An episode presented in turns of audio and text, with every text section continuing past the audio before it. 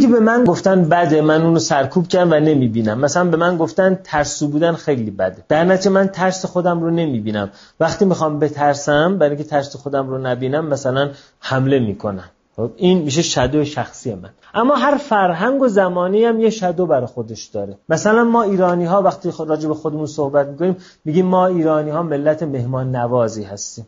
در حالی که ما ایرانی ها به شدت نجات پرستیم حتی اقواممون هم دیگران رو قبول ندارن.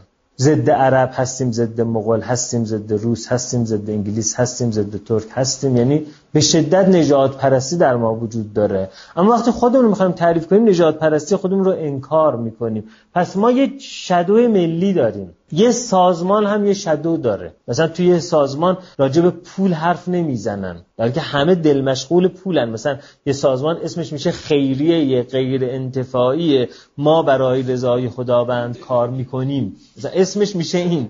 ولی همه اونجا دل مشغول پولن.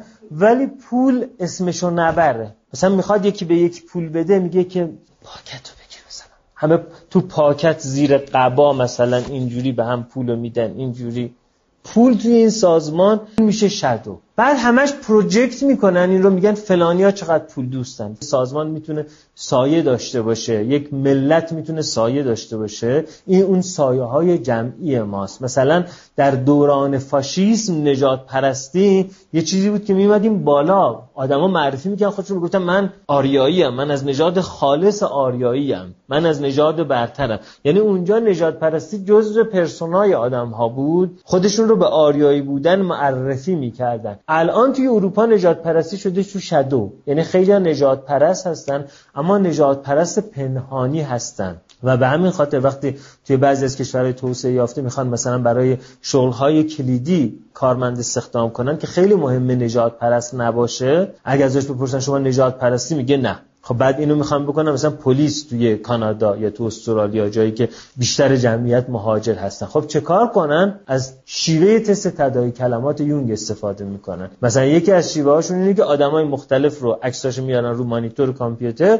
یه صفت هم راجبش هست میگن اگه موافق بودی این دکمه رو بزن اگه مخالف بودی این دکمه رو بزن. بعد می‌بینن صفات خوب رو وقتی به نژاد خودش نسبت داده میشه این آدم بهتر تایید می‌کنه. صفات خوب رو وقتی به نژاد دیگری در واقع نسبت داده میشه کمتر تایید می‌کنه. مثلا توی آمریکا رو صفحه مانیتور مایکل جکسون نشون میدن به عنوان یک مثلا آدم هنرمند. مایکل جردن نشون میدن به عنوان آدم قوی. باراک اوباما رو نشون میدن به عنوان آدم خردمند. خب این آدم می‌دونه باید بله بزنه. اما زمان واکنشش رو کامپیوتر محاسبه می‌کنه می‌بینن این آدم وقتی راجع به سفید پوست ها می‌خواد نسبت های مثبت بده میانگین زمان واکنشش مثلا دو دهم ثانیه است.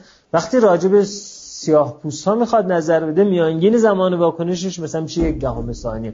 می‌فهمن یه آدم نجات پرسته اما نجات پرستی سرکوب شده و شدویی داره. چرا؟ برای که در اون فرهنگ دیگه نجات پرستی قابل پذیرش نیست در نتیجه این سرکوب میشه ولی یه جاهای خودش رو نشون میده. این اون شدویی که توی ناخودآگاه جمعی قرار گرفته و هر چند وقتی به قول یون مثل یک دیو خودش رو میاره بیرون سر می‌زنه و ممکنه یک ملت اقدامات دیوانوار انجام بدن. از نظر یون فقط یه فرد نیست که دیوانه میشه. یک ملت هم ممکنه دیوانه بشن. یک قبیله ممکنه دیوانه بشن. اون کجاست؟ اونجاییست که اون ناخداگاه جمعی اون ملت تسخیرشون می‌کنه. یعنی میاد بالا و دیگه جایی برای خداگاهی و تصمیم گرفتنه نمی‌ذاره.